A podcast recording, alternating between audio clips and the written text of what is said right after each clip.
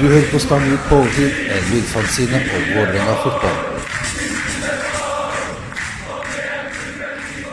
Hei og velkommen til den 30.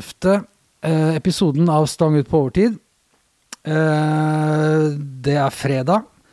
Nesten ferdig med jobbedagen. Eh, vi står litt med ryggen mot veggen, eller kanten av stupet, eller en fot i Obos-metaforene har vært veldig mange det siste. Laget taper og taper. Spillerne og trenerapparatet stilles de samme spørsmåla om og om igjen. Hva er feil? Hvorfor slipper vi inn enkle mål? Hva trener dere egentlig på hele uka? Og er spillerne redde her? Eh, mer eller mindre gode spørsmål, og veldig mye av dem har negativt fortegn. Og derfor har jeg invitert med meg i dag hun jeg tenker har eh, Norges vanskeligste jobb eh, denne uka. Eh, det er du som skal få oss, og ikke minst spillerne, til å tro at alt er mulig. Eh, Ann Helen eh, Gamlesande, mental trener i Vålerenga fotball. Velkommen til Stang ut. Tusen takk. Veldig gøy å være her. Du kommer rett fra trening nå, eller? Ja, det gjør jeg. Kan jeg få spørre deg først, det lurer jo alle på. Ja. Hvordan, hvordan var det å gå fra garderoben nå? Hvordan var stemninga? Eh, den eh, var positiv. Ja, Ja. det var den. Jeg tror mange lurer på hvilken stemning som, som eh, er i garderoben og i gangene nå om dagen. Eh, og jeg tenker jo at vi alltid har et valg, uansett hvor mye motstand vi møter på. At vi kan være defensive eller offensive. Og jeg opplever jo at det er en veldig offensiv, positiv stemning. Ja, det er det. Ja. Det er For, for det må du jo nesten si når du sitter her, da. Ja, må jeg det, da? Nei, jeg vet ikke. Uh, vet ikke. Jeg tenkte jeg skulle høre litt om uh, Først litt om deg, så skal vi prate, prate masse om hva du jobber med, og, og hva du har for utfordringer på jobben for Ja. tida. Uh, hvor lenge har du jobba i Vålerenga? Jeg begynte i juli i fjor, så ca. ett og et halvt år. Og i juli i fjor, da hadde det gått dårlig ganske lenge. Da var det også litt motstand, ja. Ja. Og så eh, begynte du, Mm. og så snudde det plutselig veldig, gjorde det ikke det? Jo, Resultatmessig. ja, Ja. det gjorde det. Det må ha vært ganske gøy. Det var veldig gøy å være med på. Ja. Eh, og så er det jo veldig viktig å være tydelig på at eh, det var en sammensetning av flere ting Ja. som, eh, som eh, begynte å fungere mye bedre da. Eh, men veldig heldig når du skal inn i en jobb og, og oppleve at ting snur så fort som det skjedde. Som ga et bra momentum til å starte å jobbe ganske fort, da. For du fikk veldig mye skryt av Fagermo når du begynte, Mm. i avisen og sånn. Mm, det gjorde jeg. Åssen er det Altså, var det han som ville ha en mental trener inn i eh, klubben? Ja, det var det jo. Ja. Um, men det skal jo sies at uh, det var jo jeg som sendte han en melding uh, før sesongstart i fjor, uh, som var ganske frampå. Jeg tror jeg skrev Nå husker jeg ikke helt hva jeg skrev, men Kan du ikke prøve å huske? Det, jo, jeg tror, jo, sk- jeg, tror jeg skrev Jeg liksom skrev kort hvem jeg var, Ja. eh, og at jeg jobba som mentaltrener. Ehm, og så tror jeg jeg skrev Jeg har lagt merke til at dere ikke har en mentaltrener. Er ikke det interessant å snakke om, eller se videre på? Eh, og så eh, førte det da til at jeg fikk mulighet til å, å komme på et eh, møte og diskutere litt, og så, og så fikk jeg sjansen, da. Men eh, det var jo Fagmo som da ville, ville ha meg inn. Det, Mm. Var det møtet? Han slår meg ikke egentlig som typen som setter seg ned og tenker at, eh, at vi skal hente inn eh, en mental trener som kan liksom hjelpe laget hans på en måte han ikke kan. Eh, eller tar jeg feil nå? Nei, jeg, altså det viser jo bare med ja. det han gjorde, da. Ja. Ehm, altså jeg fikk jo gleden av å jobbe med han i et år, og lærte utrolig mye. Men også den tilliten jeg ble gitt mm. av å kunne komme inn og, og fordype meg enda mer i idrettspsykologi og prestasjonspsykologi eh, i samarbeid med han. eh, ja, det, det viser jo litt som det du spør om, da, at det er flere sider enn hva som, hva som kanskje kommer eh, ut i mediene, i hvert fall. Mm. Mm. Ja, ja, eh, så du maste deg til å, å komme liksom opp hit og, og komme på intervju? Nei, mase gjorde jeg ikke. Eller ikke mase, men du, de, vi var ikke ute og søkte. Du oppsøkte oss. Mm. Hva tenker du det sier om eh, en eh, ung arbeidssøkende nyutdanna? Hva er det du er utdanna som, forresten? Eh, jeg tror ikke jeg har en, en sånn overordna tittel. Jeg har en bachelorgrad i psykologi. Herlighet. Psykologi. Ja. Eh, og så har jeg videreutdanning i coaching og relasjonsledelse. Mm. Eh, så det er jo mentaltrener, idrettspsykologisk rådgiver, som på en måte er tittelen. Eh, og så har jeg jo alltid hatt litt den innstillingen om at eh, du får ikke noe av å bare sitte hjemme og vente. Så jeg har alltid vært ganske frampå på å heller sende en melding og spørre. Og det, det verste svaret du kan få, er nei. Ja, og da eh, skal vi se, eh, Da er jo også eh, spørsmålet da, ja, så Du kom inn i, i troppen, og da hadde det gått dårlig, og så kommer du, og så snur alt, og så tenker man, har man liksom Var det så lett? Har du liksom løst det bare med å Den ansettelsen var riktig? Nei. Kjenne? Nei. eh, altså, det, det kunne jo se veldig sånn ut, og mediene også skrev jo litt om det. Eh, men en god prestasjon, og en god prestasjon over tid, det er så sammensatt av alt ifra det mentale til det tekniske, det taktiske, det fysiske. Det er trivsel. Eh, det er veldig mange sammensetninger. Um, så, så det var nok ikke så enkelt, nei. Det var det nok ikke. Nei, for det, altså det er jo mye snakk om nå mentaliteten til laget, og det er selvfølgelig veldig lett å si hvis det går dårlig, eller at man har spilt en kamp og man liksom ikke har fått det til, og si at ja, laget mangler mentalitet. Hva er egentlig mentalitet? Kan du fortelle oss om det? Ja. Ja, eh, Hva er det? mentalitet handler jo om både hvordan du mentalt håndterer medgang og motgang. Mm.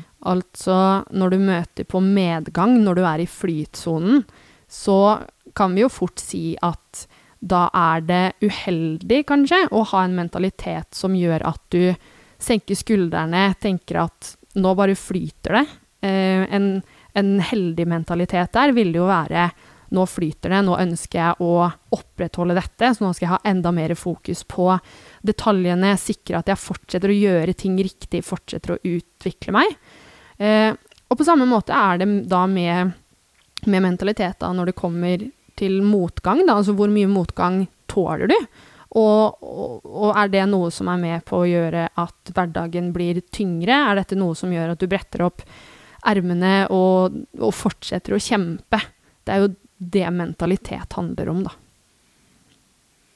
Og når du møter noen som du ser det begynner å bli Jeg kan Jeg skal ikke eh, påberope meg at jeg vet noe om det, men la oss si at det har vært noen som har hatt noen tunge stunder da, i Vålerenga-garderoben det siste halve året. Mm. Når du, når du, når du ser snakker du med Har du liksom et, en relasjon til hver enkelt spiller?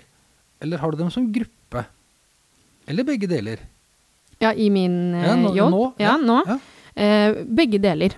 Ja. Mm. Eh, jobber både med enkeltutøvere, fordi hva som eh, Hva som gjør at man opplever medgang og opplever motgang, det er jo veldig individuelt. Eh, så jeg har jobbet eh, kanskje mest individuelt siden jeg kom inn, med enkeltspillere, eh, men også jobbet, jobbet noe i, i gruppe på de tingene som da kommer fram i, på gruppenivå, da. Er det sånn at de må eh, Eller hva, ja, hva gjør du da? Må spillerne? Eller kan de velge? Tenke liksom at noen tenker at jeg, jeg vil, ikke snakke med, vil ikke snakke om det? Eller er det, er det greit? Ja, det er det. Det er eh, Jeg liker jo veldig ofte å sammenligne mentaltrening med fysisk trening. At når du ønsker å bli en raskere løper, så kan du gå til en trener, du kan få et program. Eh, men det er opp til deg om du velger å velge det programmet eller ikke. Velger å følge det. Eh, sånn er det jo også i mentaltrening. At du kan gå til en mentaltrener som kan, kan gi deg mentale teknikker og verktøy, eller eh, stille, stille de gode spørsmålene som gjør at du får et annet perspektiv på ting. Men det er jo noe du må ville selv. Så det er helt frivillig. Det er det. Hva vil de gode spørsmålene typisk være nå? Det kommer jo litt an på settingen, da. ja. Det gjør det jo. Men de gode spørsmålene er jo de som fører til en form for eh, refleksjon. Så vi mennesker er jo satt sammen litt sånn at den første tanken eller den første følelsen som dukker opp, det er den vi tror på. Eh, men gjennom litt ytterligere refleksjon så kan vi kanskje bli mer bevisstgjorte på at selv om det er den tanken eller følelsen som først dukker opp, så er det ikke nødvendigvis sånn det faktisk er. Så hvis jeg sitter nå, og mange med meg sitter og tenker at fy faen, nå er det kjørt, altså. Dette får vi faen ikke til. Det går ikke. Mm. Vi kommer til å rykke ned. Vi kommer Mm. ikke til å slå uh, vi, vi, Uansett, liksom. Vi har prøvd alt. Hva Ja, spesielt den siste setningen der, da. Da ville jeg kanskje utfordre deg litt på det, men har vi virkelig prøvd alt? Altså, ha, har du mer å gå på? Har du har du tenkt alle mulige scenarioer? Altså, det er jo liksom det å utfordre litt de tankene der, da. Så du kommer ikke med gode råd til dem? Du stiller dem spørsmål, og så må de svare sjøl, liksom? Eller Ja, kommer du med deler. råd òg? Ja, jeg kommer med råd også. Mm. Mm. Det, går, det Så skjønner jeg at dette kan bli ganske personlig, så Ja. vi skal ikke spørre om liksom hva sier han og hva sier han. Det Nei. skal vi på ingen måte gjøre, det, det, det, det er klart. Men, men, øh, men opplever du da at de kan liksom rette, rette opp ryggen litt og tenke at ja, faen, kanskje det går allikevel? Ja, absolutt. Ja. Absolutt. Jeg, jeg har jo veldig stor tro på det at eh, På samme måte som i- en enkelt kamp, da. At, eh, altså, det er jo aldri kjørt før før det faktisk er det. Og vi er jo i en, en situasjon nå hvor eh, det er vanskelig, ja. Men er det kjørt? Nei. Det er det ikke. Og da går det jo litt på hva er det vi velger å fokusere på. Ikke sant? Hvor er det vi velger å legge fokuset vårt? Skal vi legge fokuset vårt på at vi skal brette opp ermene og gjøre alt vi kan, sånn at uansett hva som, hva som blir utfallet, så sitter vi der etter, sesong, etter sesongen og kjenner at Men vi gjorde faktisk alt vi kunne. Det er jo den type mentaliteten vi, vi praktiserer, da. Ja, for jeg vet øh, Jeg står jo Unnskyld. Jeg står jo bak mål på øh, Østblokka vi ser her ute. Og jeg hører jo hva folk sier rundt meg. Og det virker Det er veldig lite Det er selvfølgelig alltid sånn Når det går dårlig med et lag, så er det alltid noen som sier sånn Ja, de vil ikke nok, for eksempel. Da. Eller eh, treneren kan jo ikke løpe for dem. Altså sånne ting som det. Men jeg har hørt lite av det når vi ser et lag som prøver, da Mm. Virkelig prøver, liksom. Men når det er et lag som virkelig prøver, og så går det liksom Så går det ikke veien allikevel. Hvor mange ganger kan du liksom komme inn og fortelle dem at uh, Men har du gjort alt? Eller stille de spørsmålene, eller si at det er ikke over enda. Og, og, og få, dem å, liksom, få dem til å tro på det. Er det hvordan i all verden Det må være Da må du være ja, da må du være en, en ekte optimist. Eh, eh, hva, hva, hva, hvordan gjør du det? Når det er så langt ut i sesongen, liksom? Nei, for, for min del så handler det jo om at jeg oppriktig tror på det. Eh, og jeg kunne aldri Jeg hadde aldri klart å stå her eh, eller med spillerne og formidle et budskap jeg oppriktig ikke trodde på. Eh, men det er jo litt som sant, dette med at mirakler kan skje, men hvorfor skjer disse miraklene? Jo, det er jo fordi man har fortsatt å jobbe, man har fortsatt å prøve selv hvis man har feila. Man har bare aldri gitt seg, da. Det å, å gi seg har ikke vært et alternativ. Og det er jo litt sånn jeg ser det nå også, at, som jeg opprin, oppriktig tror på, det er at å, å gi seg er ikke et alternativ. Vi fortsetter å jobbe. Det er veldig godt å høre. Mm. Må man tro for at mirak- mirakler skal skje? Hvis det er du selv som skal få til miraklet, så må du tro. Det er klart. Um, og så hjelper det jo, da, å ha hva er det, 4000 på tribunen bak som også tror. Hjelper Det kan jeg love at uh, hvis det skal bæres tungt på søndag, så er det mange som kommer og bærer med dere. Det kan du ta helt med ro. Det er ingen der oppe som uh, ønsker noe annet enn at dere skal lykkes. Så uh, hvis det er en hilsen du kan sende inn i garderoben, så gjør gjerne det. Mm. Det er en som har stilt meg et spørsmål. Jeg har ber ofte Twitter om å stille spørsmål. I dag har jeg testa ut en Instagram-konto jeg bruker også. Eh, Og da er det en som spør em, Det er en som heter Vålerenga-smurfen. Eh, Hva slags innvirkning har ditt arbeid i Vålerenga hatt på din egen mentale helse? Ah, Det er et bra spørsmål. Det er et veldig bra spørsmål. Eh, og så er jo da spørsmålet er det retta til generelt eller den siste perioden. Eh, men for min egen del så har det vært, og er, ekstremt givende for min egen mentale helse å kjenne på å være en del av noe stort. Altså Mm. bare det å være en del av et lag. Eh, du kjenner jo at alle seire uh, går inn på deg, og alle tap går inn på deg. Ikke fordi at du nødvendigvis har vært ute og spilt, eller jeg, da. Det er ikke jeg som løper ut på banen der. Men det er fordi du, du kjenner deg som et de, altså en del av et lag. Og det er kjempegivende.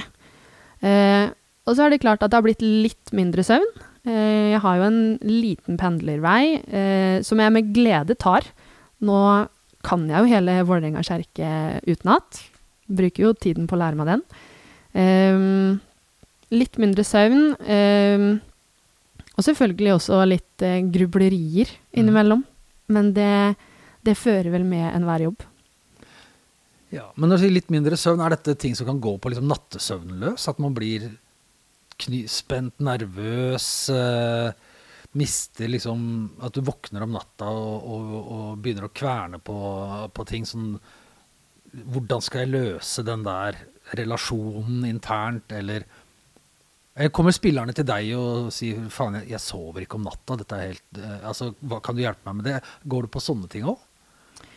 Eh, altså, sånn det har vært fram til nå, da, så eh, er det klart det at dette er jo ikke en ny situasjon, så dette har jo selvfølgelig ført til at man, man kjenner at det er litt vanskeligere å, å skru av huet når man skal gå og legge seg. Mm. Det, det er jo veldig normalt også. Altså, det handler jo om at vi bryr oss. Hadde vi ikke brydd oss, så hadde vi heller ikke gått og grubla på det. Um, men eh, absolutt. Jeg kan jo kjenne på det selv også. Eh, jeg er jo veldig heldig som både har gode mentorer som jeg kan spare med, um, både i klubben og eksternt, og også uh, har teknikkene og, og verktøyene da, til å håndtere uh, de, uh, de grubleriene som dukker opp. Men absolutt, det, det fører til eh, litt påvirkning på søvn, det gjør det. Men eh, i det store og det hele så mener du at dette har vært tross alt positivt for din mentale helse? Absolutt. Godt. Um, har, er, har du fotballbakgrunn? Har du spilt fotball? Er, er du opptatt av fotball, egentlig? Jeg syns alltid det er litt ubehagelig å få dette spørsmålet. Jeg har aldri spilt fotball. Nei. Det er fint å høre at du opplever noe som ubehagelig òg, for det virker Ja. som du ikke, alt, alt preller bra. Liksom, at, nei, men det fikser jeg, det går bra. Ja. Dette fikser vi. Men det, Det er fint at det kan være litt ubehagelig for deg òg. Ja, men det skal sies at jeg startet min eh, mentaltrenerkarriere i fotballen. Mm. Eh, jeg eh, fikk eh, jobbe i Kongsvinger toppfotball i Obos i et halvt år. Eh, så ble jeg kasta litt inn i det. Eh, men der er jeg også overbevist om at måten jeg jobber på, teknikkene, verktøyene vi jobber med, de kan brukes uansett hvilken bransje eller yrke eller idrett. Mm. Eh, og på samme måte som hvis jeg skulle jobbet med en toppleder som en, en fotballspiller, så tenker jeg alltid at det er en god sparring og dialog der som gjør at man alltid vil kunne, kunne finne hvor man skal bruke de ulike teknikkene, da. Sånn at det er ikke, er ikke avhengig av å ha spilt eh, fotball. Men det skal sies at eh, jeg har satt meg veldig inn i det. Jeg følger mye med på fotball og har blitt bedre til å, å skyte. Eh, øvd litt selv. Så. Du begynte å spille litt sjøl òg? Nei, bare litt spark her og der på sidelinja under treningene. Eh, men uh, jo, fordi uh, Jeg vet ikke om du har hørt på den uh, fotballpodkasten som heter When We Were Kings. Der har de lagd en episode om Bodø-Glimt. ja. Og de har jo hatt også en, en mental trener som jeg nå ikke husker navnet på, Bjørn Mannsverk. som heller ikke har fotballbakgrunn. Nei. Han har riktignok bakgrunn fra mye annet gærent, men eh, han mente jo det at det, det var en fordel for han å ikke være en del av fotballen. Mm. Eh, jeg har jo vokst opp eh, Jeg har jo vokst opp i scenebransjen med først lokale musikaler i Sarpsborg, hvor jeg er fra. Eh, men også reist mye rundt i Norge, vært med på litt ulike turneer, stått mye på scenen. Eh, sånn at i det, da, så har jo jeg også kjent på kroppen det å skulle prestere foran andre mennesker. Det å skulle levere et underholdende produkt for andre. Eh, jeg endte jo opp med å, å gi meg fordi jeg selv ikke håndterte nervene når jeg var 16-17 år gammel. Eh, og det, det var jo inngangen min og, og grunnen til at jeg nå jobber som jeg jobber, fordi jeg ønsker å kunne ja, hjelpe andre da, i det. Eh, men jeg ser jo også der at det er en fordel med å ikke ha den fotballbakgrunnen, fordi det gjør at du eh, kan, kan se situasjoner, hendelser, på en annen måte. Du får et annet perspektiv på um, på det, ja, det mentale aspektet i det, da, som jeg tror kan være veldig positivt. Ja, for det mangler jo ikke på folk med litt fotballbakgrunn som mener de kunne gjort en veldig god jobb innen fotballen. Eh, Jeg kjenner opp til flere.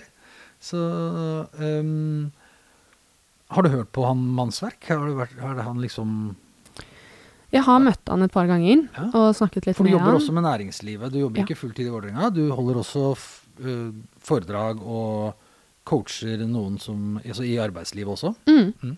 Reiser mye rundt og, og holder foredrag og workshops og mye, mye næringsliv. Eh, og har jo møtt eh, Mannsverk et par ganger. Eh, lyttet til han på noen foredrag han har, han har holdt. Mm.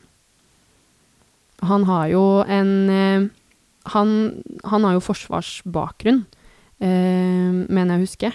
Og Ja. det er jo også veldig, en veldig spennende inngang. Eh, fordi han kommer jo litt fra den bakgrunnen hvor eh, du nesten holdt på å si, Du kan ikke ha en dårlig dag på, på jobben.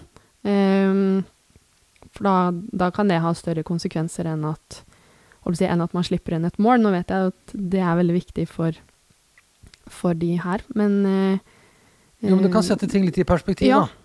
Eh, Det husker jeg han snakka om i, i den, uh, den podkasten som eh, du kan høre på når du kjører hjem til Sarpsborg etterpå. Ja. Eh, veldig bra, veldig interessant. Eh, nei, hvor han snakka om det med konsekvenser, da. Liksom, Mm. Når folk knyter seg og blir redde og heller slår en støttepasning istedenfor å prøve på et eller annet litt spektakulært, så liksom Ja, men hvorfor? Du kan Mm. det jo. Eh, Det, det er jo ikke farlig. Ja, men jeg er redd for å bomme. Ja, men hva skjer hvis du bommer? Så hvis han hadde da holdt på å si bomma når han var ute og kjørte jagerfly, så hadde, så hadde han og kompisen hans liksom eksplodert. Mm. Mens hvis du slår en feilpasning, det er jo egentlig ikke farlig. Sånn at eh, man, han brukte det som en sånn greie for å få liksom ned stresset. Hva er det egentlig vi driver med her? Mm. Vi, vi, vi er ikke Det er ikke Det er ikke Du er ikke kirurg, du er ikke inne i noens liksom, hjertekammer eller noe sånt noe. Det er fotball. Mm. Ja, og, og jeg tror det er veldig interessant det også, fordi i fotballen så, så Du glemmer kanskje, eller jeg vet ikke om du glemmer det, men, men det er ikke alltid så lett å huske på, da. At, men skulle jeg bomme, så får jeg muligheten om to minutter. Mest sannsynlig. Altså i løpet av hele denne kampen så får jeg muligheten ganske mange ganger. Så om jeg så bommer den første gangen, så får jeg muligheten til å prøve igjen. I veldig mange andre yrker, da, bare for å, for å få det perspektivet, så er det jo ikke sånn at du har mulighet til å rette opp i, i feilene alltid. Uh, men eh, hvordan var det, var det utfordrende å komme som en eh, ganske ung dame inn i en gruppe? Sånn, altså garderobekultur er noe vi liksom hører mye om. Og uh, en sånn mannegarderobe, det er jo mye sånn Altså, var det utfordrende for deg å være, komme inn der og skulle være mental trener i en garderobekultur med bare voksne menn?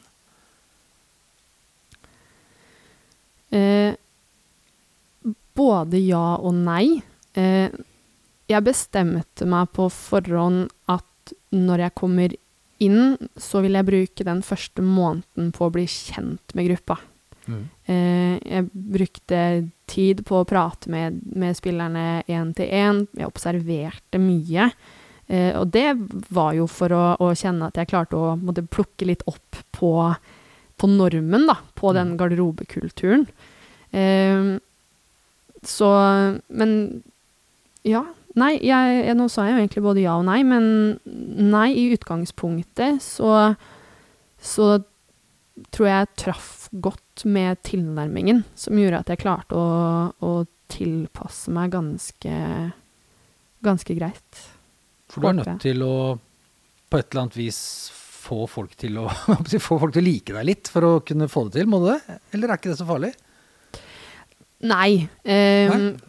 Altså, en av de tingene altså, Det som er viktigst, er tillit. Mm. Eh, skal, jeg, skal jeg kunne gjøre en, en jobb, så er jo tillit absolutt viktigste. Eh, og i noen tilfeller så bygger du tillit eh, raskt ved å gi de ærlige tilbakemeldingene, som man kanskje Kanskje ikke alltid kan opp, si, oppleves hyggelig, blir feil å si, men, men det er de ærlige tilbakemeldingene som man kanskje trenger å høre, eh, som skal til for å kunne bygge tillit. Så fokuset mitt har ligget mest på å bygge tillit framfor å bli likt. Mm. Ja. Alle sier jo det at ja, jeg setter veldig pris på ærlige tilbakemeldinger, men gjør vi egentlig det? Nei, ikke de som treffer. Ja, for det må jo være det som er verst òg innimellom. ja, det er jo Du blir jo speila på dine egne blindsoner, da. Ja. Det er jo det som skjer. At man er, liksom Min erfaring i hvert fall er at vi liker å vi sier at vi liker å få tilbakemeldinger, men når vi blir speila på de blindsonene, så betyr jo det ofte at det er de tingene vi selv ikke ser. Så det er klart, ja, det gjør vondt å få de, så vi liker de jo ikke. De er ukomfortable. Men det er jo også det som gir oss muligheten til å virkelig kunne utvikle oss og, og ta nye steg, da. Mm. Um, ja, nei, ja. Uh, det er noen som spør om noe som ligner litt eh, på Twitter. Det, det er jo å gå på dette her med med Kan du fortelle oss sånn, hva vi som står på utsida, hva vi bør ha forståelse for nå? Jeg regner med at det er i altså, denne situasjonen vi er midt oppi nå. da. Mm. Eh, og eh, ikke minst, hva kan vi gjøre for å hjelpe gutta best mulig? Ja, for å svare på det siste først, da. Ja. Eh, så vil jeg jo si at måten måte klanen og, og østblokka nå mobiliserer, bare ved å, å møte opp på trening i morgen for å vise støtte, eh, er jo Jeg syns jo det er helt fantastisk. Det viser jo hvor mye dette betyr for eh, alle supporterne. Eh, og, og jeg føler jo virkelig at utover det så er det ikke så veldig mye mer man kan gjøre, annet enn å selvfølgelig møte opp på kamp. Det er jo viktig. Eh, Og, når det kommer til første spørsmålet, hva bør supporterne vite? Jeg tror Ha forståelse for. ja, ha forståelse sier, ja. for. Jeg tror det er viktig Altså Du kan Hvis du tenker deg i, i din jobb, da. Mm. Hvis du i din jobb skal utføre jobben din med perfeksjon, med 4000 som stirrer på deg, Ja. så Du føler jo på et visst press, ja. Ja, Mm. du, det gjør du. Og det, det er jo det noen har diskutert, da. Mm. Eh, merkefenomen, men vi gjør det dårlig på hjemmebane. Mm. Som man jo skulle egentlig tro at uh, skulle være et sted man presterte bra. Mm.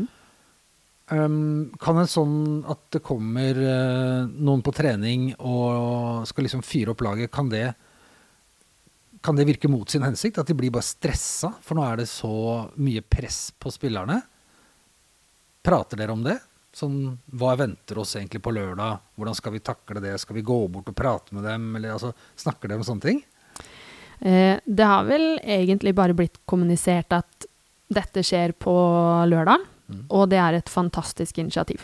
Eh, men jeg tror det er viktig å presisere at det, det å ha 4000 på østblokka, det å ha 4000 i ryggen når du skal gjøre jobben din, Mm. eh, skaper det et press? Ja, det gjør det. Men det presset, det handler jo om at du har lyst til å gå ut og gjøre jobben din. Du har lyst til å gå ut og vise at jeg og vi er gode nok. Vi har lyst til å, å gi dere det dere kom for. Eh, og det er jo der det også skaper et press, ikke sant? Eh, men så tror jeg også at det på mange måter ikke er et eh, At det ikke alltid er så negativt. Fordi når du kjenner på et press? I din jobb skulle du hatt 4000 som, som så på deg, så er det klart det at du blir jo mer skjerpa. Du Jeg ville passa mer veldig på å, å um, se over en gang til før jeg trykka på enter. ja. Ja. Så, så det kan ha positive, positive utfall også. Eh, spesielt når du vet at de som står her, de er her fordi de ønsker at vi skal lykkes. De er ikke her for å måtte kritisere eller eh, kommentere på, på den ene lille tingen. De er her for å, for å heie og, og, og få oss opp og fram. Eh, så jeg tror det, det er eh, mye positivt i det. Og så tror jeg selvfølgelig hadde, hadde morgendagen blitt lagt fram som at eh, nå skal vi, vi skal pushe de, eh, så kunne det kanskje hatt eh, uheldig utfall, men jeg tror når budskapet er som det er, at vi møter opp, vi, vi støtter dere, vi har ryggen deres, så tror jeg bare det er positivt. Dette er kjærlighet uten grenser. Ja, Ja, ja. virkelig. Det skal, ingen skal uh, oppleve det som ubehagelig. Det tror jeg du skal virkelig ta piano. Mm. Um, men uh, snakker du noe med trenerne også? Eller, ok, Det blir vanskelig når vi ikke skulle snakke om enkeltpersoner, å si trenerne, for det er én trener av gangen, så da skjønner man jo hvem det er. Men um, det er noen trenere da, i historien, hvis vi kan eh, ta den innfallsvinkelen, som når laget har gjort en dårlig prestasjon, i og for seg noen gjør det når det går bra, og det er ikke like heldig, men som da går ut og gjør litt sånn rare ting, eller sier litt sånn ko-ko ting, sånn at man ikke snakker så mye om den kampen, men sier 'så du hva han sa'? På, på pressekonferansen. Det ble, det var jo, han, han var jo helt gæren. Og mange gjør jo det også bevisst for å ta presset og søkelyset bort fra at du da ikke skal hale en eller annen keeper som har gjort en tabbe, eller en midtstopper som, eller en spiss som har bomma eh, opp i retten, at da tar han på en måte smellen for laget, da. Ved å si ja, jeg, kommer ikke på eksempler, men det er mange trenere som gjør det. Det var vel sånn, en som sa når det ble spurt om en overgang på en spiller, så jeg ville ikke solgt dem et virus engang. Å, herregud, han sa det. Eller ja, det er en intelligent spiller. Eh, sånn intelligent Jeg har 15-åringer som snakker fire språk. Eh, da snakker ikke sant? At du vrir hele situasjonen. Eh, Har det vært eh, ja, har, har det vært uh, gjort eller diskutert bevisst uh, i, her nå? Har du tenkt på det? Har du snakka om det? Mm, altså det, det viktigste sånn knyttet opp til min rolle er jo å, å kunne sparre med Geir på å være samstemte, da. På hvilke, hvilke grep, eller hva skal vi gjøre? Eh, hva er på en måte riktig å gjøre nå? Så at, å si, at han skal gå eh, ut og ta støyten, det, det går jo heller mer på hvordan han er som leder, da. Mm. Han er jo en, en, en hær... Hva heter det? Hærfører. Hærfører, kan man ja. Hærfører, ja. Og det, det handler jo mer om hvordan han er som person. Mhm. Jeg vet ikke om det var direkte svar, men det, det er det jeg kan svare på. var, en eh, det, jeg, jeg skjønner hvor eh, Altså at du ikke kan utlevere ting som dere har prata om i fortrolighet, det forstår jeg jo. Men eh, at det er forskjellige måter å, å gjøre det på for å At laget noen ganger trenger det ene, og andre ganger trenger det andre. Og at det, du snakker også med treneren om den delen av presset de opplever. Mm, Ja. ja. Det, det, det er jo naturlig. Og, eh, og det, hovedfokuset er jo på hva kan vi gjøre. Ja. Eh, og så har vi et, en fantastisk trenerstall med sine ekspertiser på, på eh, det tekniske og med på fysisk og, og alt det også. Og alle er jo veldig måtte, bevisste på at vi holder fokuset på hva kan vi gjøre nå. Det hørte jeg, det syns jeg var veldig gøy å høre Geir Bakke bli intervjua på eh, klubbens podkast. Mm. og da, da, da var det liksom tenkte jeg, Da fikk jeg litt trua når jeg hørte det. Det var det stort sett han sa. Ja, men det kan ikke jeg gjøre noe med. Det kan jeg ikke tenke på. Jeg må tenke på dette kan jeg løse. Mm. Så, um, men når sånn uh, type Nå uh, mangler det jo ikke på folk som vil gi Vålerenga gode råd om hva de burde gjort. Hva burde vi gjort? Hvorfor var det bedre før? Hvorfor var den spilleren Hadde riktig mentalitet? Og så får du sånn Man ringer jo uh, Eller man ringer. uh, avisene og, og TV-stasjonene, de, det er klart Vålerenga selger jo veldig godt. Alt Mm. handler nå om Vålerenga. Om det er to helt andre lag som spiller en kamp, så handler det om hvilken posisjon resultatet i den kampen setter Vålerenga i. Ikke sant? Ja. Alt handler om oss. Eh, det er helt, helt, eh, helt gale, Mathias. Men så får du sånn Ja, og det er litt gøy, må jeg tenke. På en måte. Altså, folk er opptatt av åssen det går med oss. Ja, Um, det er bedre det enn at folk ikke bryr seg. absolutt. Ja. Men så får man sånn Så har de ringt runden, da, og liksom snudd bunken eh, og fått uh, gamle liksom, helter som helt opplevd er legender i Vålerenga, sånn som Erik Hagen var ute i Nettavisen. Mm. Og uh, det er liksom ingen, uh, ingen som lurer på om vi håper å si, om vi Hans status i klubben, men sånne utspill For det gikk jo på men mentalitet, og det var det han var kjent for. Ikke sant? Han var liksom den tøffeste midtstopperen i, i landet på den tida. Mm. Hvordan virker det inn? Snakker dere om det? Sånn, snakker dere, sånn, har dere sett avisen i dag? Så dere Panserhagen? Det var jo noen spillere som da måtte svare Nettavisen på hvorfor var ikke dere og, og eh, feide vekk han som sto og feira foran fansen. Bryr dere ikke nok? Ikke sant? Mm. Nei, altså, jeg opplever jo at spillergruppa også er på det jeg nettopp sa, med at vi, vi har fokus på det vi kan gjøre.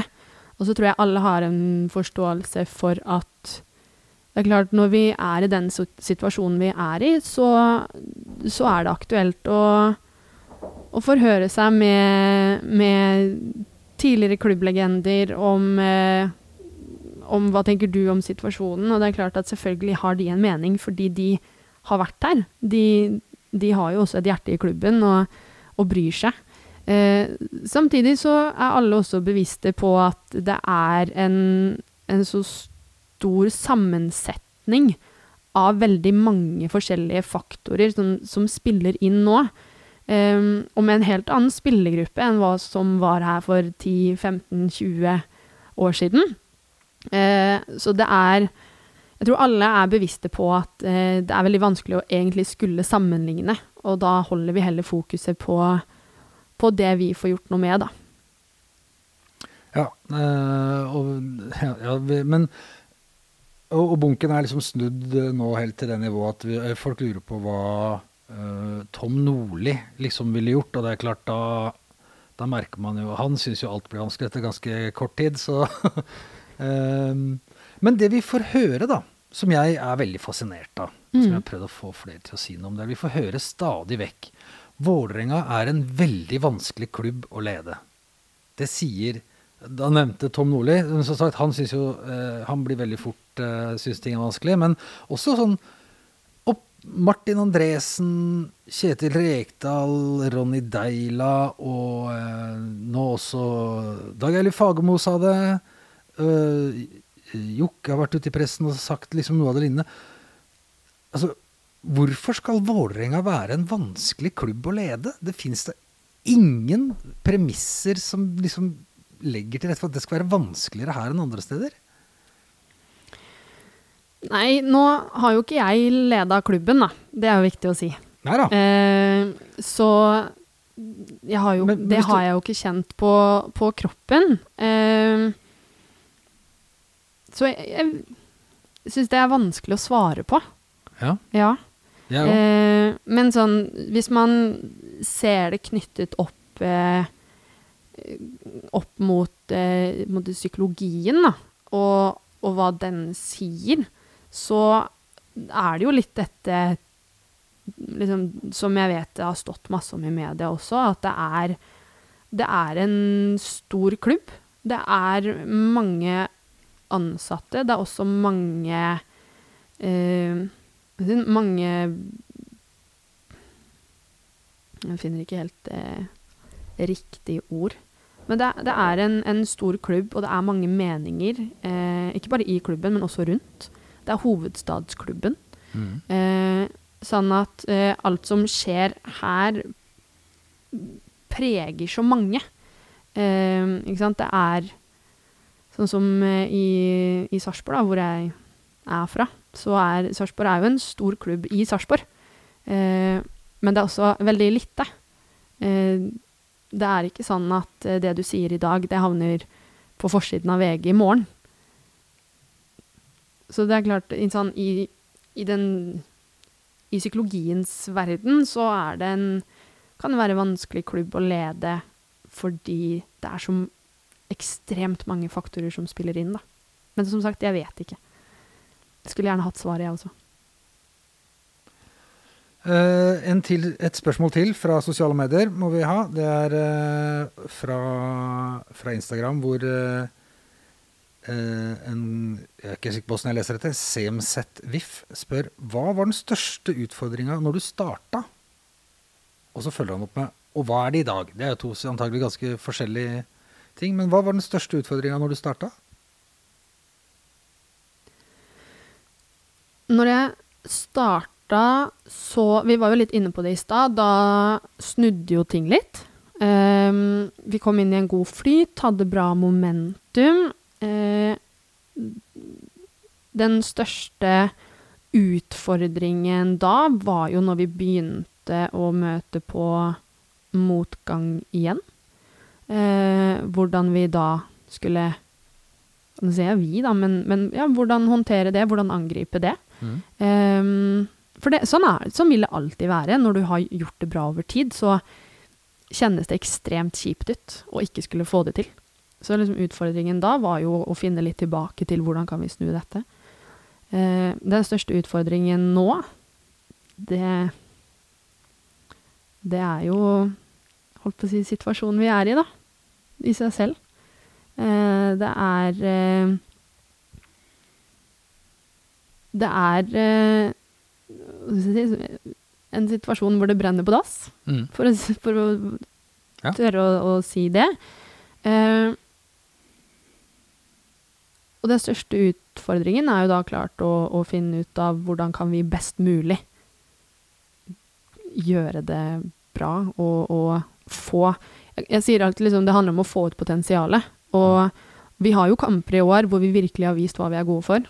Mm. Um, kampen mot Brann i, i sommer, blant annet, i cupen. Jeg syns også Bodø-Glimt eh, selv om vi tapte, fantastisk prestasjon. Eh, vi har hatt flere sanne typer kamper i år hvor vi har fått vist eh, hvilke kvaliteter og ferdigheter som er i laget, da. Så største utfordringen er kanskje å klare å, å, å naile da hvordan, hvordan vi får det ut. Men nå skal det sies at nå har jeg troa på at vi har klart det inn mot søndag. Mm. Det er bra. Mm. Må spre litt tro også. Jo, men vi må jo det. Mm. Altså, det, det er klart vi må tro på det. Det er tross alt Stabæk. Det er ikke Real Madrid som står på andre sida av banen. Det er Stabæk, liksom. Ja. Det er ingen grunn til å ikke slå de. Absolutt ikke. Um, Bingoball lurer også på hvordan jobber du med de unge spillerne? Er det annerledes å fokusere liksom, i det mentale arbeidet med unge spillere? Det er noe, De er jo kjempeunge. De er jo de er ikke russ engang. Det er uh, Nei, eh, altså med de unge spillerne eh, så er det jo sånn at de har jo en helt en annen referanseramme enn hva de eldre, mer etablerte er. Eh, hvis, man, hvis man tenker liksom Det som er vanlig i et lag, er at du har de eldre som har spilt i ganske mange år. De har vært med på både store oppturer og vonde nedturer. Mange har også vært i utlandet og, og spilt på et eh, enda høyere nivå enn hva det er i Norge. Sånn at de har jo også med det, den erfaringen utviklet en referanseramme.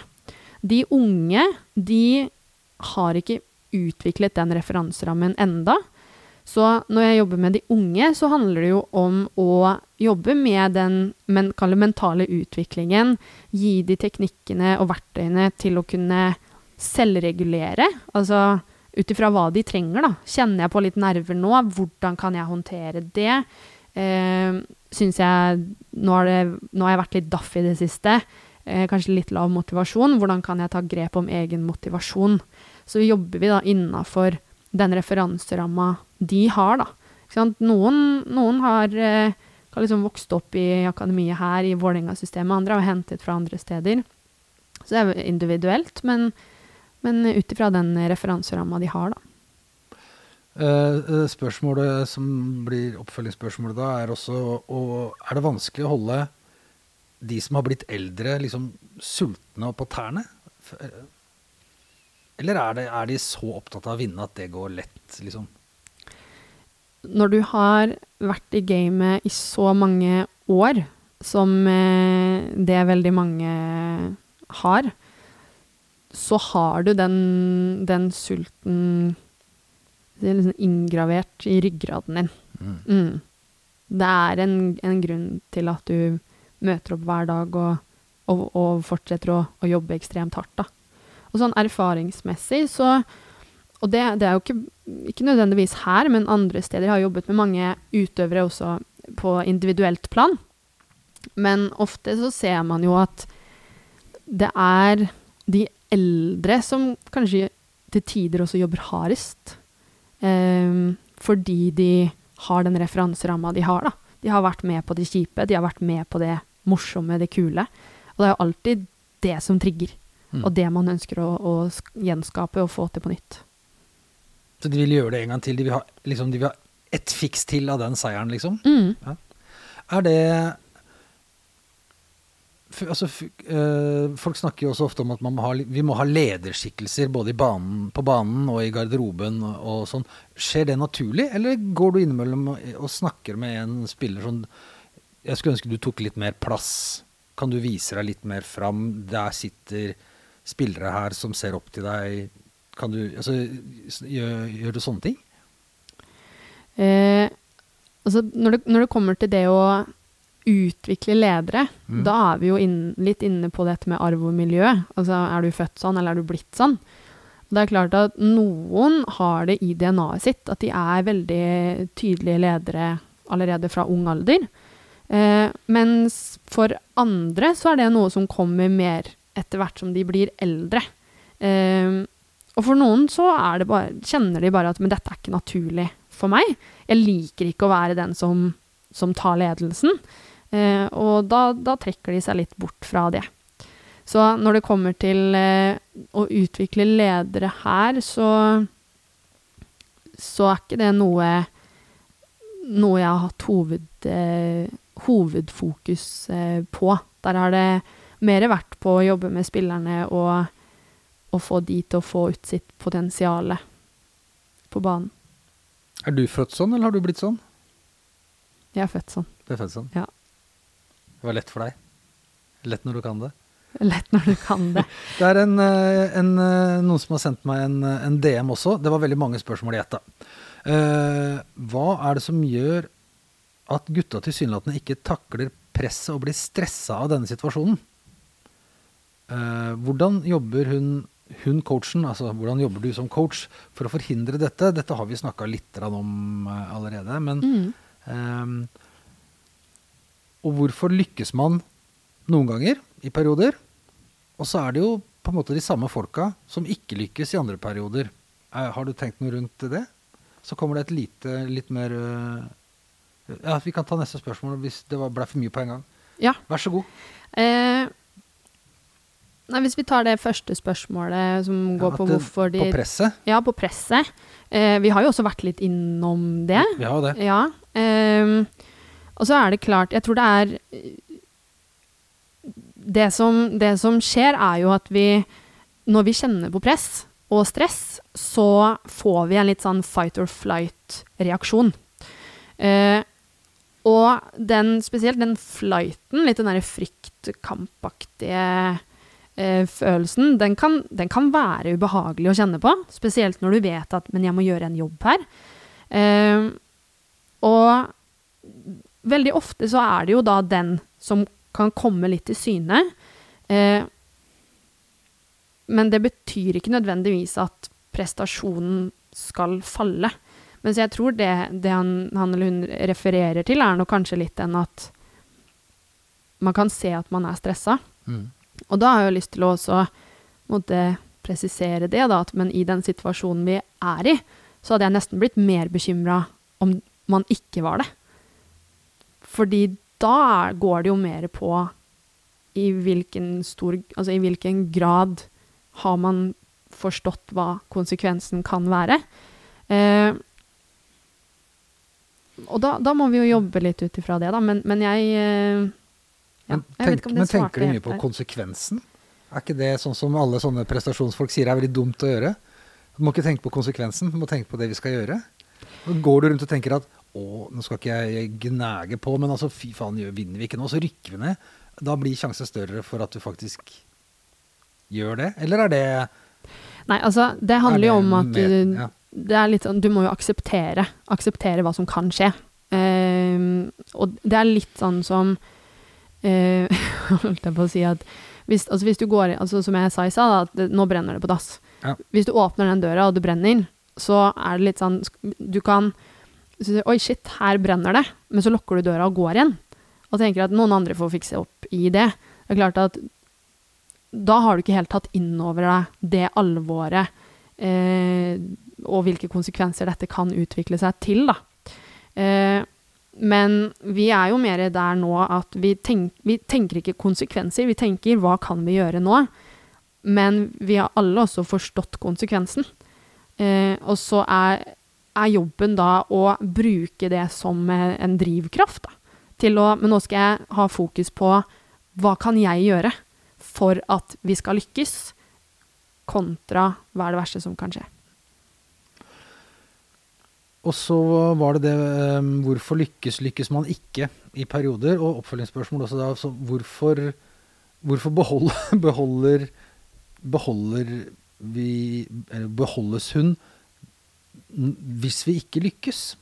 Det blir da også konsekvens på vegne av deg. Da, for Ja. det er i orden å svare på såpass personlige spørsmål. Du kan jo si bare at det er ikke mitt eh, ansvar å evaluere, men eh, det går an å prate litt rundt det òg. Ja, absolutt. Eh, på spørsmålet om hvorfor lykkes man noen ganger, og hvorfor lykkes man ikke, så igjen, det er jo veldig sammensatt. Eh, årsaken til at man lykkes, er jo fordi man har eh, funnet, spesielt i fotballen, da, funnet en måte å ha optimalt, altså en optimal samhandling. Man klarer å spille ball hele tiden. Eh, men som i alle andre yrker, så er det Det handler om å da også videreutvikle. Og det er jo ofte kanskje grunnen til at man eh, ikke lykkes i perioder, fordi man kanskje ser på men hva er det vi har gjort før? og så går man litt tilbake til det, men så er det ikke det som, som kanskje er det som fungerer nå, da. Og da tenker jeg mest ut ifra det, det mentale aspektet. At den gang da så tenkte vi mye på dette og hadde fokus på dette, og det funket. Men skulle vi hatt fokus på dette nå, så er det kanskje ikke det som trengs i denne situasjonen. Eh, så det kan jo være én årsak eh, der, i hvert fall.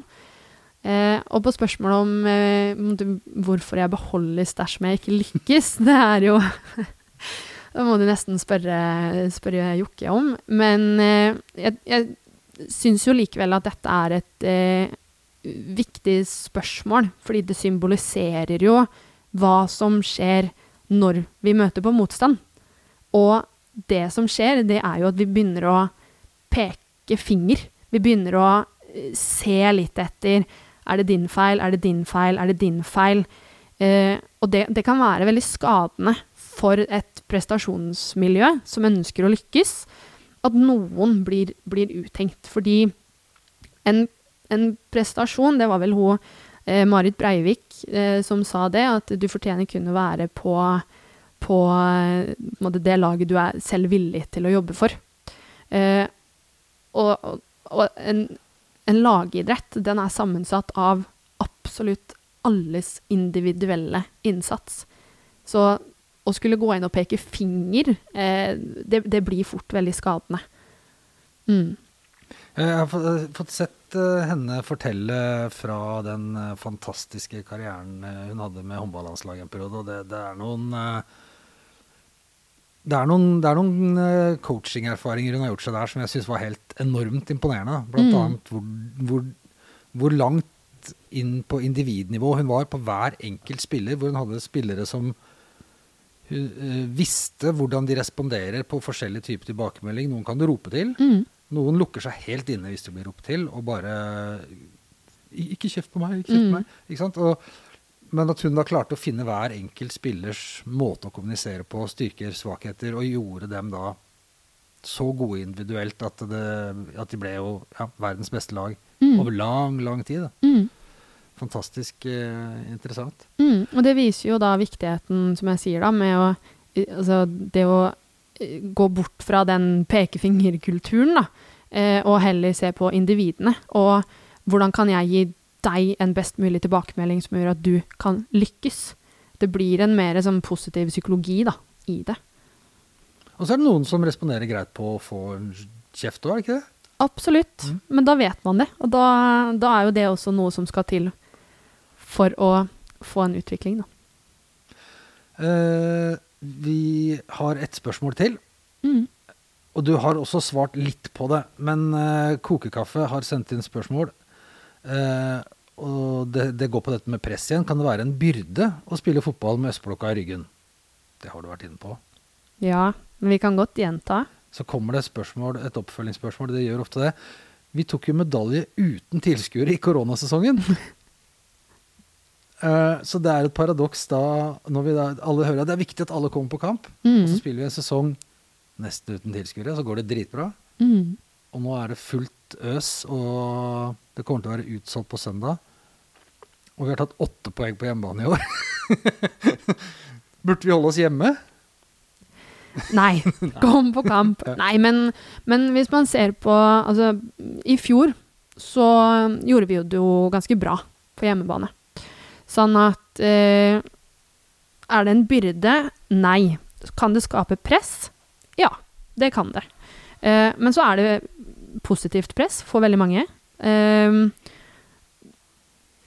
sånn at eh, Jeg vil ikke kalle det en byrde, i hvert fall. Men når det kommer til den eh, sesongen i pandemien, så er det jo viktig også å huske på at eh, det var jo da etter en periode Nå var jo ikke jeg inne, da, så dette blir jo bare tolkning. Du var ikke her denne nei, sesongen? Nei. nei. Eh, så det her blir jo bare tolkning, ja. og, og, hva jeg på en måte har sett i, i psykologien. Men det er jo etter en periode hvor du får ikke lov til å gjøre jobben din. Du får ikke lov til å være med vennene dine. Du får ikke lov til å leve det livet du er vant til.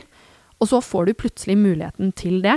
Um, fordi du spiller fotball, og du får lov. Du trodde at du var i hvert fall usikker på får vi det hele tatt lov til å spille kamper i år. Og så plutselig så åpner det seg, og så får du den muligheten. Eh, det er klart at det skaper jo en, en motivasjon og en drivkraft uten like. Eh, som, hvor du hvor oppriktig da, bare tenker, altså, Det verste som kan skje, har allerede skjedd. Vi har allerede vært i lockdown i x antall måneder. En, litt som vi var inne på i stad, da. Altså en eh, feilpasning her, det, det kan ikke måles med dette. I perspektiv så blir ikke det så farlig. Nei. Jeg eh, har fått eh, Jeg syns det har vært en utrolig interessant prat, og jeg har fått svar på veldig mye. Det jeg jo ikke kan få svar på, er det jeg lurer aller mest på, men da får jeg spørre deg allikevel. Eh, spiller Vålerenga fotball elite i Eliteserien neste år? Jeg, har, altså, jeg mener jo ja. Ja, det er det jeg lurer på. Ja, ja. Ja. Jeg mener jo ja. Ja. Det er jo som jeg sa i stad også, at eh, jeg har Jeg kunne aldri stått opp og prakt, altså, preacha et eh, budskap hvis jeg ikke trodde på det. Og oppriktig så mener jeg ja, det gjør vi. Det har jeg tro på. Hvis du helt til slutt Du har snakka nå om å få spillerne til å tenke ikke tenke konsekvens, få spillerne til å liksom finne det beste i seg sjøl. Men kan du være så snill, på vegne av mange tusen, gi oss et godt råd til hvordan skal vi som skal stå på tribunen, komme oss gjennom de neste ukene uten å få fullstendig sammenbrudd? Uh, ja. Jeg må bare tenke Altså, det er jo så individuelt, men jeg tenker det første er perspektiv. Gi deg sjøl et perspektiv. Eh, og det kan hende at dette er litt kontroversielt, men jeg husker jeg jobbet med en, en, en trener for veldig mange år siden eh, som var veldig tydelig på det, at fotball er det viktigste av alle uviktige ting her i livet. Eh, det perspektivet tror jeg kan være fint å ha. Og husk at de neste ukene Du står ikke alene i det. Altså, vi står samla om dette. Vi er én klubb. Vi er eh, ett eh, blått og, og rødt eh, hjerte. Eh, så vi kommer oss gjennom det her sammen. Det syns jeg var en veldig, veldig fin eh, avslutning på dagens sending. Eh, tusen takk skal du ha for at du kom og delte eh, dine erfaringer og dine perspektiver med oss. Eh, Anne Helen, nå har du en lang biltur hjem, så er det fredagskveld for deg òg. Det er det. Lykke til på søndag. Tusen takk for praten. Takk for at jeg fikk komme. Bare hyggelig.